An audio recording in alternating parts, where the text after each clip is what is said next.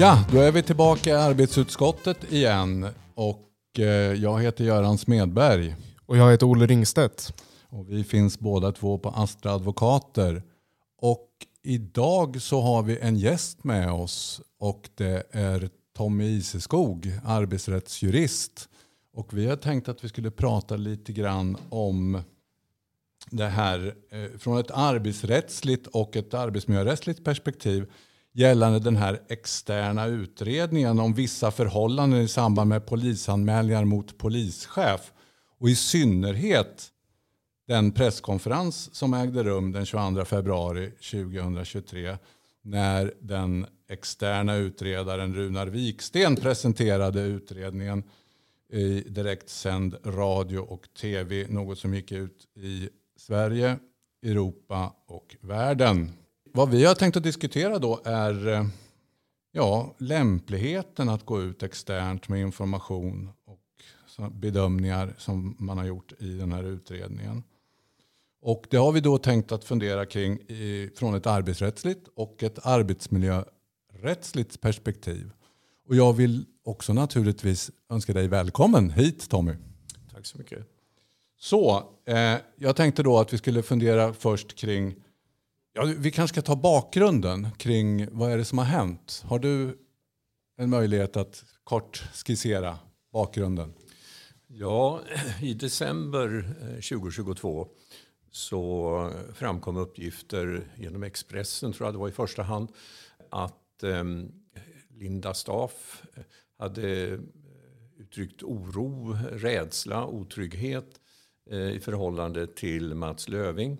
Och och ehm, eh, det som då eh, frågades från media det var ju eh, vad är det här för någonting? Vad är det som har hänt? Vad har man gjort? Och då ställde bland annat jag frågan till rikspolischefen. Ehm, vad, hur agerade man? Vad gjorde man när man fick reda på att Linda Staaf uttryckte de här rädslorna? Och ehm, med hänsyn till arbetsmiljölagen då i första hand men också med hänsyn till säkerhetsskyddslagen Eh, för om två medarbetare har som det då ryktades en hemlig relation så är det ett klassiskt exempel på, på det som kallas sårbarhet i de sammanhangen. Och då ska man alltså göra en, en säkerhetsprövning, speciellt naturligtvis i, beträffande medarbetare som finns då i säkerhetsklass 1 som då talar om mm. här. Mm. Eh, vid den tidpunkten så meddelade rikspolischefen att jag tänker inte uttala mig för det här är ett personalärende. Eh, sen meddelade han några dagar senare att han skulle tillsätta en utredning, extern sådan, för att titta på hur man hade hanterat ärendet. Och så visade det sig ju att utredaren också skulle utreda själva personalärendet. Mm.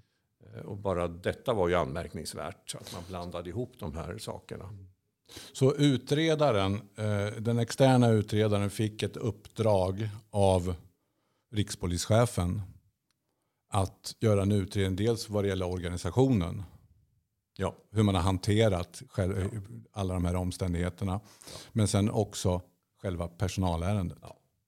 Och den, den, sammanblandningen är ju alltså väldigt märklig. Mm. Ehm, dessutom är det ju märkligt att eh, rikspolischefen tillsätter en utredning som ska titta på just rikspolischefens agerande. Den utredningen borde ha tillsatts av departementet. Just det, för den organisatoriska delen där, där är ju då rikspolischefen också om man säger involverad. Vad har han gjort och inte gjort och hur har, det, har han följt regelverk? Ja, och det var ju det som var det intressanta egentligen. Personalärendet eh, må man ju hantera och ska man ju hantera internt. Mm. Det intressanta för allmänheten eh, är ju hur har Polismyndigheten hanterat den här situationen när den uppkom? Har man agerat på rätt sätt enligt arbetsmiljölagen? Det vill säga försökt att klarlägga eh, varför den här rädslan och otryggheten fanns och vidtagit då lämpliga åtgärder. Har man hanterat säkerhetsskyddslagen korrekt? Det är ju det som en extern utredare borde ha tittat mm. på. Och den externa utredaren borde ha tillsatts av ministern och ingen annan. Mm. Det är ministern som är uppdragsgivare. Här. Nu pratar vi om justitieministern här. Justitieministern, mm. Just det. Så att här råder ingen tvekan trots att den externa utredaren, om jag kommer ihåg rätt, har påstått att det här inte är ett personalärende så, så menar vi på att visst är det här ett personalärende i de delarna som handlar om vad, vad Löving och, och Linda Staff har haft för, för relation och så vidare. Ja, och vilka beslut då som eventuellt har, har varit felaktiga eftersom det har varit, kan ha varit en jävssituation. just det. Och det är ju ett personalärende. Det, det tror jag alla, eh, möjligen då förutom utredaren, har förstått. Mm. Håller Vad skulle man på ett enkelt sätt koka ner ett personalärende till definitionsmässigt i förhållande till ett organisationsärende som det var i det här fallet bland annat? Alltså personal, personalärendet handlar ju i grunden om har arbetstagaren i något hänseende brutit mot sitt anställningsavtal. Eh, Och eh, det är ju där de jä- jävsfrågorna då blir intressanta. Eh, Och eh, kommer man fram till i hanteringen av personalärendet att så är fallet, ja då gäller ju inom staten att man ska hänskjuta frågan till eh, ansvarsnämnden som eh, slutligen fattar beslut om eventuella arbetsrättsliga åtgärder. Och så långt ska det dessutom då råda personalsekretess. Mm, just det. Om vi då tittar på, jag tänker på arbetsmiljöregler. Du, du sa tidigare att ja, det finns arbetsmiljöregler, det har jag också nämnt här. Och det är väl då tredje kapitlet, andra paragrafen i arbetsmiljölagen som handlar då om att en arbetsgivare ska vidta alla åtgärder som behövs för att förebygga att arbetstagaren utsätts för ohälsa och olycksfall. Och sen finns den här tredje kapitlet 2a-paragrafen också om att man systematiskt ska planera och leda och kontrollera verksamheten. Så att man uppfyller de här kraven som, som finns för en god arbetsmiljö. Och utöver det så konkretiseras ju de här reglerna via Arbetsmiljöverkets författningssamling. Ja. Och här är väl då till exempel då den här AFSen 2015 kolon 4 om organisatorisk och social arbetsmiljö intressant för det här fallet. Ja. Och det är väl då närmast reglerna i den författningen då som handlar om kränkande särbehandling. Ja. Som, som, som jag, så som jag tolkar det i alla fall.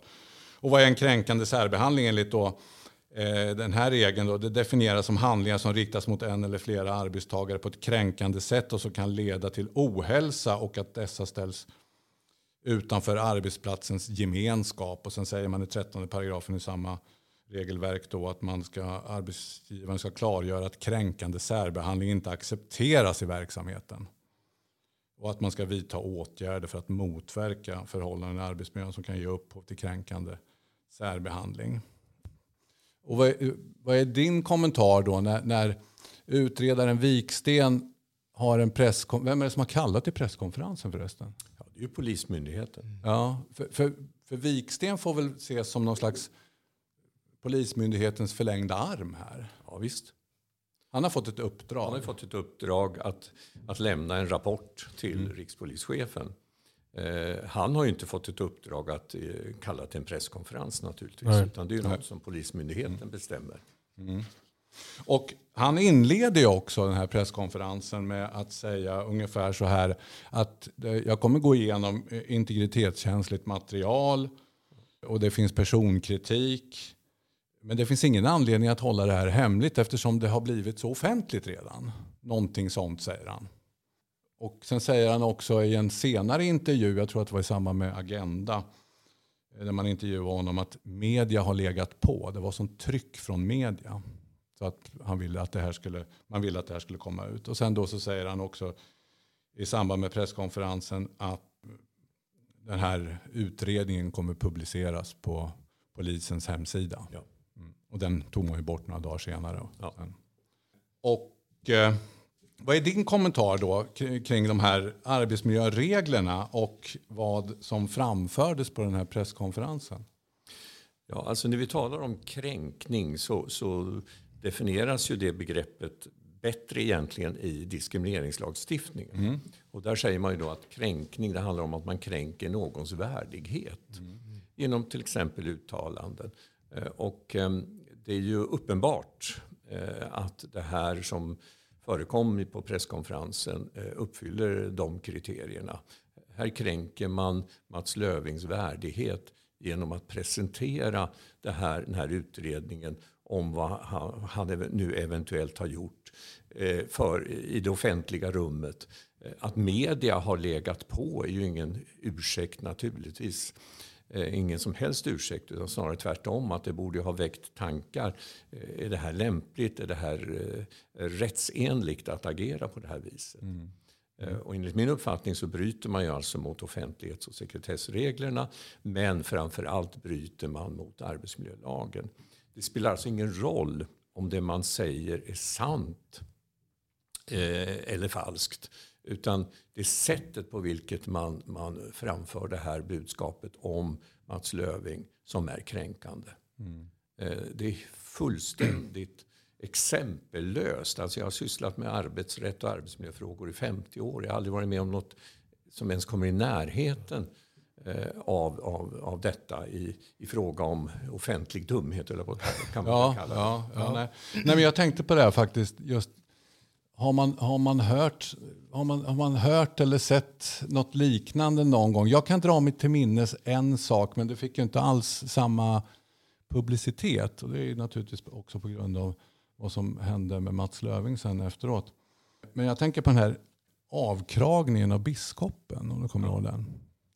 Om jag kommer ihåg rätt så hade man en presskonferens om det också. Det är möjligt.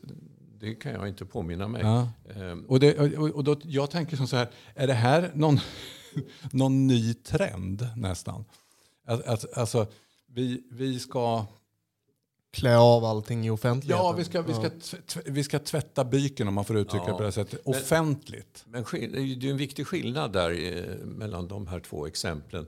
På det viset att i och med att biskopen blir avkragad, vilket var ett beslut mm. man, man då fattade, så kan han alltså inte vara kvar som präst mm. längre överhuvudtaget. Mm. Och det var ju det man i så fall gick ut och talade om. Jo, fast man talade men, också men, om anledningen till Ja, man talade mm. om anledningen. Men här har vi alltså inte handlagt, här har myndigheten ännu inte handlagt nej, personalärendet nej. fullt ut när man går ut och presenterar ett underlag. Mm.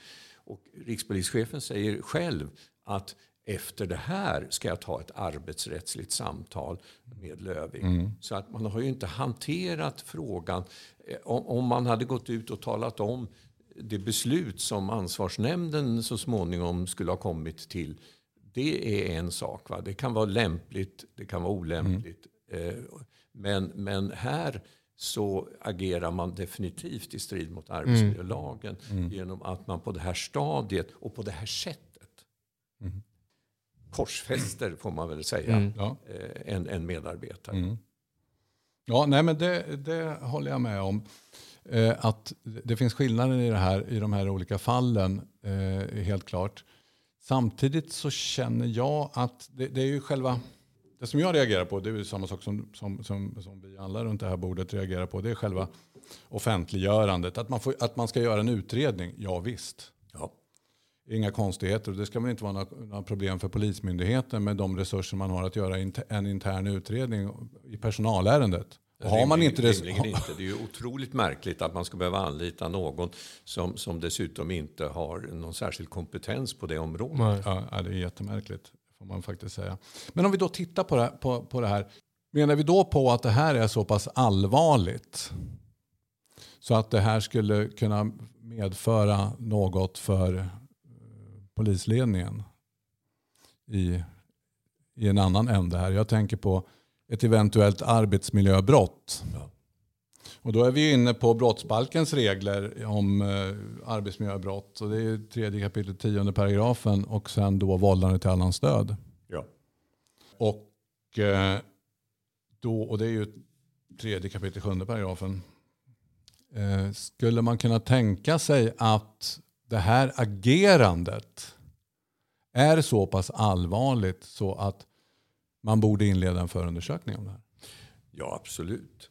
Alltså, enligt min uppfattning så är det helt klart att det här strider mot arbetsmiljölagen. Mm. Presskonferensen, genomförandet av den innebär att man har brutit mot tredje kapitlets andra paragraf i arbetsmiljölagen. Man har mm. definitivt inte vidtagit alla åtgärder som behövs mm. för att förebygga. Nej. Utan mm. tvärtom. Man har aktivt agerat eh, och därigenom kränkt så det är, inte, det är inte bara en underlåtenhet, en aktivitet nej. till och med. Va? Så, och det betyder att, att eh, i och med att man då har brutit mot arbetsmiljölagen så ska man bedöma, har detta orsakat effekten, mm. säga, Mats Lövings död? Och där har ju Högsta domstolen i, i sådana här fall tidigare sagt att det domstolen ska bedöma det är ju, eh, eller göra en hypotetisk bedömning, nämligen ställa sig frågan, är det med hög grad av sannolikhet så att det här inte skulle ha hänt om man hade gjort rätt mm. eller inte gjort fel i det här mm. fallet. Mm. Eh, och eh, det är naturligtvis en, en, en, bedömning som i sig är, är, är eh, viktig och delikat. Mm. Men, men, men det är ju där man borde hamna. Och det här tycker jag definitivt ska utredas av åklagare. Mm. Definitivt. Mm. Precis. Och det här med, med det här hypotetiska bedömningen då, det, det, det hittar vi bland annat då i HDs fall NJA 2007 sidan 369. Där man också pratar precis om det här som du säger Tommy. Om det med hög grad av sannolikt, sannolikt att effekten skulle ha uteblivit om den tilltalade hade handlat som han bort. Ja. Och eh, då får erforderligt orsakssamband anses föreligga säger man då. Ja. Eh, och det är klart att det är ju en, en delikat fråga att utreda naturligtvis. Men, men, det är väl värt att, att göra det. Ja, jag tycker att det är definitivt en sak som domstol ska få avgöra. Mm. Eh, det, det vore väldigt, väldigt olyckligt och förvånande om åklagare inte väljer att väcka åtal enligt min uppfattning. Mm. Mm. Har vi några liknande mål som, som man skulle kunna fundera kring? Jag tänker, jag tänker på det här Krokom-målet. Ja. Där det var två stycken, eh, var någon förvaltningschef om jag kommer ihåg rätt och, och någon annan chef som, som i tingsrätten blev dömda när det var en, en blev dömda till ansvar. Det var en socialsekreterare tror jag det var som hade tagit livet av sig. Och det var i samband med att han hade fått en underrättelse om att man avsåg att avskeda honom. Ja. Och då blev de fällda i tingsrätten men sen blev de friade i, eh, i hovrätten. Eh, det är, väl, det är ju inte riktigt samma sak. Eh, men, men någ, några likheter finns väl? Ja, men, men, där var det ju då underlåtenheter. Mm. Va? Mm. Man inte hade agerat på det sätt man borde ha gjort. Mm. Man hade inte utrett internt så att säga, hanteringen av den här mannen tillräckligt väl. Ehm, och, eh, och därför underlåtit att följa mm. arbetsmiljölagens mm. regler. Där tyckte hovrätten att ehm, att regelverket vid den tidpunkten inte var tillräckligt mm. tydligt för mm. hur man borde mm. ha agerat. Nu har ju den, det regelverket förändrats mm. sedan dess. Men riksåklagaren drev ju det fallet till Högsta domstolen. Men Högsta domstolen gav inte prövningstillstånd. Mm. Så att riksåklagaren tyckte ju att det borde prövas. Mm. Ja, det finns mycket att fundera på kring, kring, kring det här. Och eh, jag har, nog samma uppfattning som du Tommy, att det här borde eh, Eh, man nog inleda en förundersökning kring och eh, väcka åtal faktiskt. Jag tycker nog att det är så pass graverande. Vad säger du Olle? Ja, nej, jag håller, håller helt med. Allting är ju oerhört anmärkningsvärt och jag kan inte se någon som helst anledning till varför man inte skulle bedriva en förundersökning och, och, som sen då eventuellt skulle leda till åtal. Det, det är definitivt frågor som behöver utredas och stenar som behöver vändas på. Eh, minst sagt. Mm. Men frågan man kan ställa sig är ju då vem det är vid ett eventuellt åtal. Vem är det som skulle bli åtalad? Vem hålls ansvarig i sådana här sammanhang? Ja, I det här sammanhanget tycker jag det är väldigt enkelt. Ja. Det är ju rikspolischefen. Ja. Mm. Det är ju han som har fattat beslut om den här presskonferensen. Det är ju ingen annan. Mm. Så att eh, i, i, den delen så kan det inte vara svårt att avgöra tycker jag, vem som är ansvarig. Mm. Eh, det är det ju annars i många sådana här fall. Alltså var, var ligger, speciellt om det är en underlåtenhet, ja. var ligger underlåtenheten? Mm. Men här, här så var det ju Krokomfallet till exempel. Att man åtalade då två chefer på olika nivåer för man var osäker från åklagarens sida vem, vem som hade gjort fel eller mest ja. fel. Men här är det ju som sagt en aktivitet mm. till och med som rikspolischefen självklart står för. Ja, det känns ju också som att, att de har ju ändå reflekterat eh, över att det är integritetskänsligt material och det är personligt material. Eftersom eh, utredaren faktiskt kommenterade i inledningen av, av, presskonferensen. Och dessutom så går han ju igenom regler kring kränkningar och hänvisar till till ett regelverk eh, som finns inom polisen kring kränkningar och hur man ska agera när någon uppfattar sig som har blivit utsatt för kränkningar. Ja, jag har väldigt svårt att förstå mig på eh, utredarens resonemang kring att det är okej att offentliggöra nu för att viss information har redan legat ute sedan innan och offentliggjorts av andra. När man ser till exempel i förtalsbestämmelser så delar du en artikel som utgör förtal, ja men då är det ytterligare ett nytt förtal. Mm. Så ett förtal kan ju fortsätta ja. hur länge som helst. Mm. Och man tänker sig att snarlika bedömningar borde då göras med, med kränkning. Att en kränkning kan ju begås av flera personer vid olika tillfällen. Ja, ehm, Absolut. Så jag tycker det är en uh, mycket anmärkningsvärd bedömning Viksten har gjort att de inte har begrundat det där ytterligare. Ja, och sen är det, ju, det, är, det är inte ursäktligt bara för att någon annan har gjort det tidigare. Så att säga. Nej, och det är inte ursäktligt bara för att media vill nej, ha, nej, vill ha uppgifterna. Så. För de har ju, media har ju sprungit och, och, och vill, vill, uppenbarligen ha mer och mer och mer och mer. Ja. det är ju lite medias eh, jobb så att säga. Och det då ska man väl inte stå Nej, genom kan... myndighetsutövning och, och, och, mata den brasan Nej, med virke. Man kan inte skylla på media som en del har gjort här. Det tycker jag är helt fel. Nej, det är ju två separata saker. Det här är ju vad vi pratar om är ju vad ska en arbetsgivare göra och inte göra. Ja. Och sen kan man ju ha en diskussion kring, kring vad är det som, som är intressant för media ja. att publicera. Ja. Men det är ju en annan sak. Och det är också en annan sak vad är egentligen offentligt i, i den här rapporten. För det hade man kunnat eh, diskutera i sig då om den nu inte hade offentliggjorts på det här sättet. Mm. Mm. Och, eh, utan det som tycker jag är, är den eh, arbetsmiljörättsliga poängen här. Det är alltså att man väljer att basunera ut det här personalärendet mm. på en presskonferens på ett sätt som, som är otroligt märkligt och kränkande. Mm.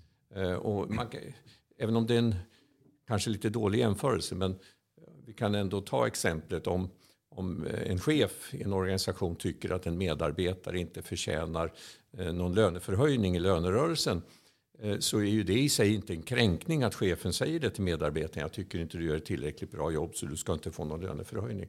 Men det blir en kränkning om chefen ställer sig i matsalen och skriker mm. där så att alla mm. hör. Mm. Och det är egentligen det som har hänt här. Inte bara matsalen. Här har man skrikit inför hela svenska ja. folket. Mm. Titta vad den här mm. medarbetaren har gjort. Mm. Trots att det ärendet inte ens är färdighanterat. Och Nej, det är ju verkligen mitt under handläggningsprocessen som de väljer att, att livestreama allting som sker, för att ja. använda mm. mer moderna termer. Ja, just det. Ja. Mm. Det, det, är sant. Jag tänkte på det, det finns ju en massa eh, sekretessregler i offentlighets och sekretesslagen som borde kunna blivit, eh, man borde kunna applicera på, på, på den här situationen. Det där här, de flesta av de här reglerna har väl det här, eh, ett rakt skaderekvisit. Så att presumtionen är väl för att det ska vara offentligt. Men, men sen eh, finns det ju faktiskt möjlighet att det ska vara sekretessbelagt också. Ja. Och, och bara det att, jag resonerar som så, bara det att om det finns en osäkerhet offentligt eller sekretessbelagt. Man kan inte gå ut och göra på det här sättet. Nej, och även om alla uppgifter skulle vara offentliga så är som sagt sättet på vilket man offentliggör. Det är ju mm. det som mm. är det kränkande. Mm. mm. Eh, jag vet jag har nämnt för dig tidigare Tommy när vi har pratat vid innan det här att jag tycker också att det här är ett, eh, ett brott mot lojalitetsplikten. Lojalitetsplikten är ju inte bara en, en eh, en plikt som, som eh, gäller i förhållande till en arbetstagare utan även en arbetsgivare är ju bunden av en lojalitetsplikt. Jag tycker faktiskt att det här också är ett brott mot lojalitetsplikten från arbetsgivarens sida.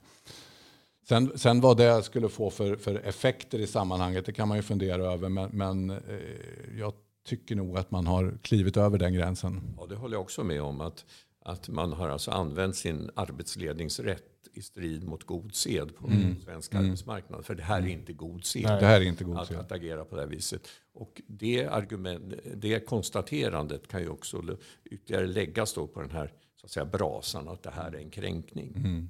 Mm. God sed på arbetsmarknaden, det, det, är inte så jätteofta man kommer i kontakt med det, Nej, den benämningen. Men det här är väl nästan typexempel på någonting som strider mot god sed. Ja. ja. Faktiskt. Ja. Ja. ja, det är exempellöst. Alltså det, ja. det är verkligen det. Mm. Jag hade en fundering här. Eh, det har ju varit rykten då, om jag har förstått saken rätt, om eh, det här påstådda förhållandet. Eh, och det har funnits medarbetare inom polisen, en del högre chefer som då har fått indikationer på att det skulle finnas ett, ett förhållande. Jag tänker på en del av lojalitetsplikten eh, har man ju en upplysningsskyldighet i förhållande till, till, eh, till sin arbetsgivare. Skulle man kunna föra in det som, som en, eh, ett moment här också? Att de här ja, högre cheferna som då har fått, tror sig ha fått reda på att det har funnits ett förhållande, att de borde ha upplyst ja, ytterst rikspolischefen om detta. Ja, och det är ju till och med så att de parterna i det här sammanhanget eh, borde faktiskt också själva ha upplyst mm. rikspolischefen. Det, det, här är ju säkerhetsskyddslagen mm. så tydlig. Mm. mm. Att om, om man som, speciellt om man då är i säkerhetsklass 1, om någonting inträffar i ens privatliv som gör att sårbarhet kan uppstå, då ska man faktiskt tala om det. Eh, men redan när rikspolischefen nås av ryktet att de har ett förhållande. Och det ryktet nåddes rikspolischefen av betydligt tidigare än, ja. än i december mm. i fjol. Mm. Mm. Då, redan ryktet skulle alltså ha motiverat att han tagit ett samtal med i första hand Mats Löving och ställt frågan hur är det med det här? Eh, för då hade alltså Mats Löving hamnat i den juridiskt känsliga situationen att skulle han ljuga i det sammanhanget så är den lögnen i sig en avskedande grund. Mm. Mm. Har de bara haft ett samtal i största allmänhet, nästan polare emellan, ja då kan man ju inte resonera på motsvarande sätt. Nej. Så att säkerhetsskyddslagen är ju då ett instrument för arbetsgivare att, att spetsa till situationen mm. och få liksom en juridisk ordning på frågeställningen. Mm. Det, har man ju inte, det har man ju uppenbarligen inte gjort.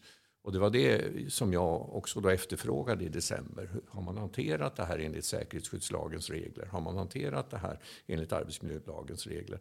Och så svarade man inte på det. Och det borde man ha utrett som en fråga, inte personalärendet. Nej. Det kan man hantera för sig naturligtvis. Men om man då tar den diskussionen med, med, med eh, båda de här inblandade personerna. Och den ena säger då nej vi har inget förhållande. Och den andra dra lite grann på det. Men vill inte riktigt kännas vid Nej, förhållandet. Hon, hon, har ju sagt att de hade ett ytligt förhållande. Ja, mm. och, ja precis. Ja. Och då tänker jag som så här, men borde inte högsta chefen, då, rikspolischefen, ha agerat på det i alla fall? Att, och, och då på något sätt särat på de här? Ja, eller kanske till och med eh, verkligen har försökt ta reda på mm. hur det egentligen förhöll sig. Inte nöjt sig med det här samtalet. Mm. Och jag menar då att hade man spetsat till situationen och sagt nu pratar vi enligt säkerhetsskyddslagen här, nu ställer jag frågan, har ni ett förhållande? Då blir ju de här personerna medvetna mm. om att ljuger jag nu då gör jag mm. verkligen bort mm. mig. Mm. För Anders Thornberg, rikspolischefen, har ju försvarat sig med att han vad är det, en gång i veckan har haft samtal med sina 17 regionchefer och frågat dem vid slutet av varje möte om det finns något mer som han behöver veta än vad som har tagits upp på mötet och sagt då att han har givit Mats Löfving flera möjligheter att, att yttra sig om, om det här och försvarat sig lite med att han ändå har gjort sin, sin skyldighet eh, genom att ställa frågor eh, som kan röra privatlivet och inte bara tjänste, tjänsten. Eh, en säkerhetsprövning eller en, en, fråga under säkerhetslagen skulle då medföra andra möjligheter ja. än vad en mer allmänt ställd fråga.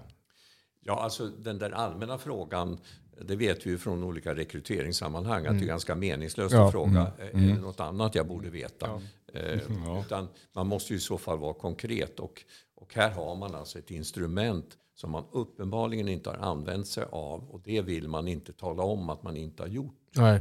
Eh, och, och, det är så speciellt det här med säkerhetsprövning så att ja, folk i allmänhet vet ju inte riktigt vad det handlar om. Och därför finns det en, det finns liksom en pedagogisk uppgift här tycker jag att försöka ja, förklara. Ja, Att så, så strikt är den lagstiftningen. Så att får man reda på att det finns en risk för sårbarhet hos en medarbetare så är man skyldig att genomföra en formell säkerhetsprövning mm. för att fastställa om, okay. det, om risken finns eller ej. Och det, det är det man inte har gjort. Nej. Mm. Jag tänker också på det här om man, har, om man är en arbetsgivare, det behöver inte vara eh, Polismyndigheten, om man har två stycken i hög befattning som har ett förhållande, då kanske man vill omplacera någon av dem. Och då kanske man eh, försöker få eh, nå en överenskommelse med dem att någon får flytta på sig eller sluta eller, eller så. Om ni ska fo- fortsätta ha det här förhållandet. Och om det är på det sättet att en säger men vi har inget förhållande och den andra säger vi har ett förhållande. Det kan ju också bero på hur man definierar förhållande. Men det är ju ett problem i sig om man har de delade meningarna. Så Ja. då, då har man ju faktiskt ett problem. Men Det är det jag menar, då måste man ju, attack, då måste man ju alltså angripa det problemet. Ja. Och det har man ju inte gjort här Nej. på något sätt. Nej, så är det. Och, och det, det tycker jag är märkligt. Eh, sen tänkte jag på vad Viksten skriver i eh, utredningen här på, mot slutet här och säger att Löving hade av organisatoriska skäl lämnat chefskapet över NOA från och med oktober 2020 och var alltså inte längre chef över Linda Stav. Några akuta åtgärder för att bryta ett förhållande som kunde medföra jäv i beslutssituationen var därför inte påkallade. Och då tänker jag så här, varför har man då överhuvudtaget gjort det här som man har gjort? Alltså lämnat ut allt det här. Det är ju, det är ju helt eh, onödigt. Det fanns ju ingen anledning. Eftersom det, problemet var ju uppenbarligen passé. Man har ju Ja. passerat där då. Ja, eh, i, och- I och med att man har glömt bort säkerhetsskyddslagen så kan ja. man ju resonera så. Va? Men, men bara det att man har en hemlig relation Även om den inte, det inte är chef-medarbetare men man ändå finns i ledande funktion i, i en myndighet. eh, Har någon en hemlig relation med någon annan överhuvudtaget så blir det alltså en fråga för säkerhetsprövning. Därför att det är ett klassiskt exempel i spionsammanhang till exempel. Att någon har en, en relation som inte ska avslöjas. Då är man föremål för utpressning.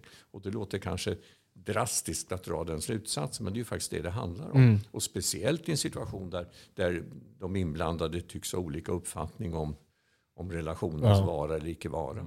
Mm. Ja, bara den frågan tycker jag är väldigt intressant i och med att man har olika uppfattningar där. Ja. Faktiskt. Eh, jag tänkte på den här organisatoriska delen då.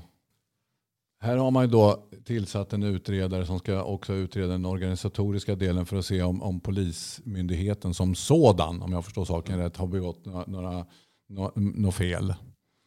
Eh, Och där konstaterar vi tidigare då att den borde inte rikspolischefen Har tillsatt. har tillsatt. Och in, definitivt inte valt utredare. Nej. Utan det bo, borde vara justitiedepartementet som, som går in och, och tar över den frågan helt enkelt. Absolut.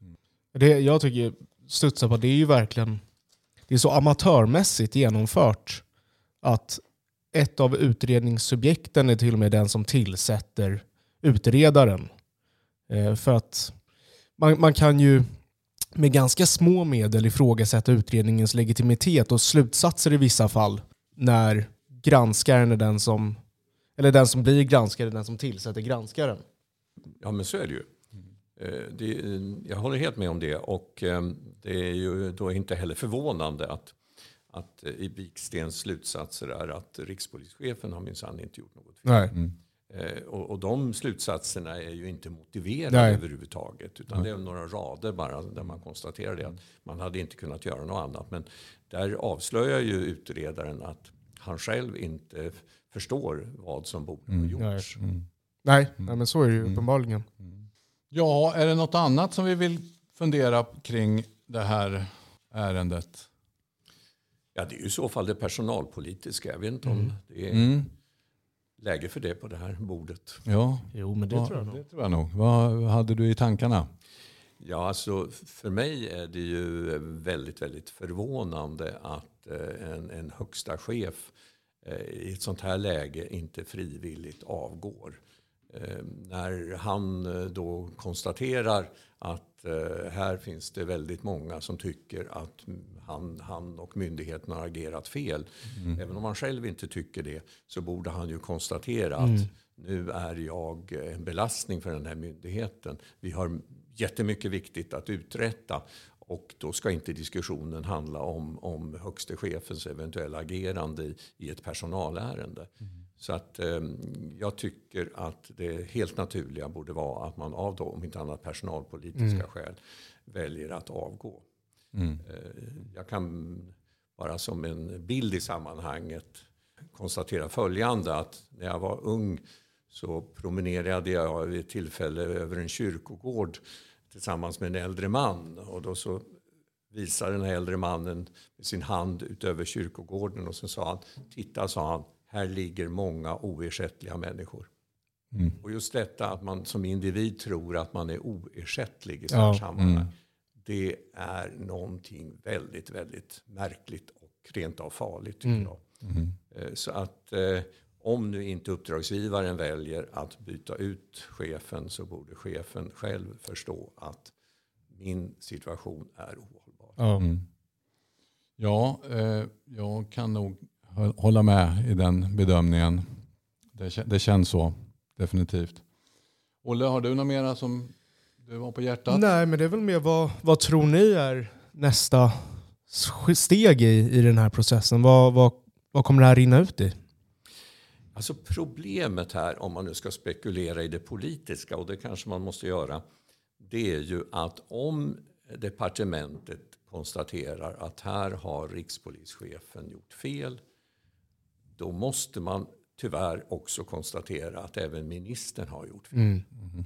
Ministern har inte tillsatt utredningen. När utredningen presenterades på presskonferensen så var ministerns enda kommentar efteråt att ja, det här med jäv är ju något väldigt allvarligt som vi inte kan tillåta. Det fanns inte eh, någon som helst reflektion kring det lämpliga i den här presskonferensen och presentationssättet. Mm. Så att eh, det finns ett politiskt problem där tror jag. Mm. Att det är inte bara rikspolischefen som har gjort bort sig utan även justitieministern har mm. agerat på ett mycket, mycket klandervärt sätt. Mm. Och det kan i värsta fall då leda till att just ingenting händer.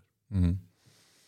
Eh, men i själva den här frågan som då handlar om ett eventuellt brott som skulle kunna ha begåtts här.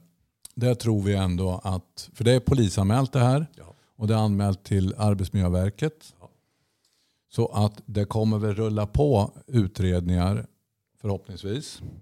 Och ja. sen får vi se vad, vad de kommer att leda till. Ja, blir det en förundersökning och definitivt om det blir ett åtal då kan naturligtvis inte rikspolischefen sitta kvar. Nej. Man kan inte ta time-out i den funktionen. Man kan Nej. inte ha en, en TF, rikspolischef, under så lång tid som det målet i så fall tar. Mm. För skulle det avgöras av tingsrätt så kommer det att överklagas och kanske till och med till högsta domstolen. Mm. Så det handlar om en väldigt lång process. Så att mm. väcks ett åtal då finns naturligtvis en definitiv punkt där, där, mm. där rikspolischefen definitivt inte kan sitta kvar. Mm. Ja, det får väl bli slutorden. Ja. Det här. Vi tackar dig så jättemycket för att du ville komma och dela med dig av din klokskap, dina tankar. Och eh, ja, vi kommer väl fortsätta med arbetsutskottet. Vi har utlovat eh, flertal, avsnitt till. flertal avsnitt till. Vi skulle kolla på bakgrundskontroller. bakgrundskontroller bland annat. Vi kommer väl in på säkerhetsskyddslagen också ja. i den delen. Så det, finns, det finns saker att diskutera. Det finns att gräva i. Ja, vi kanske återkommer till det Tom. Ja. Gör det. Ja. Tack. Tack. Tack.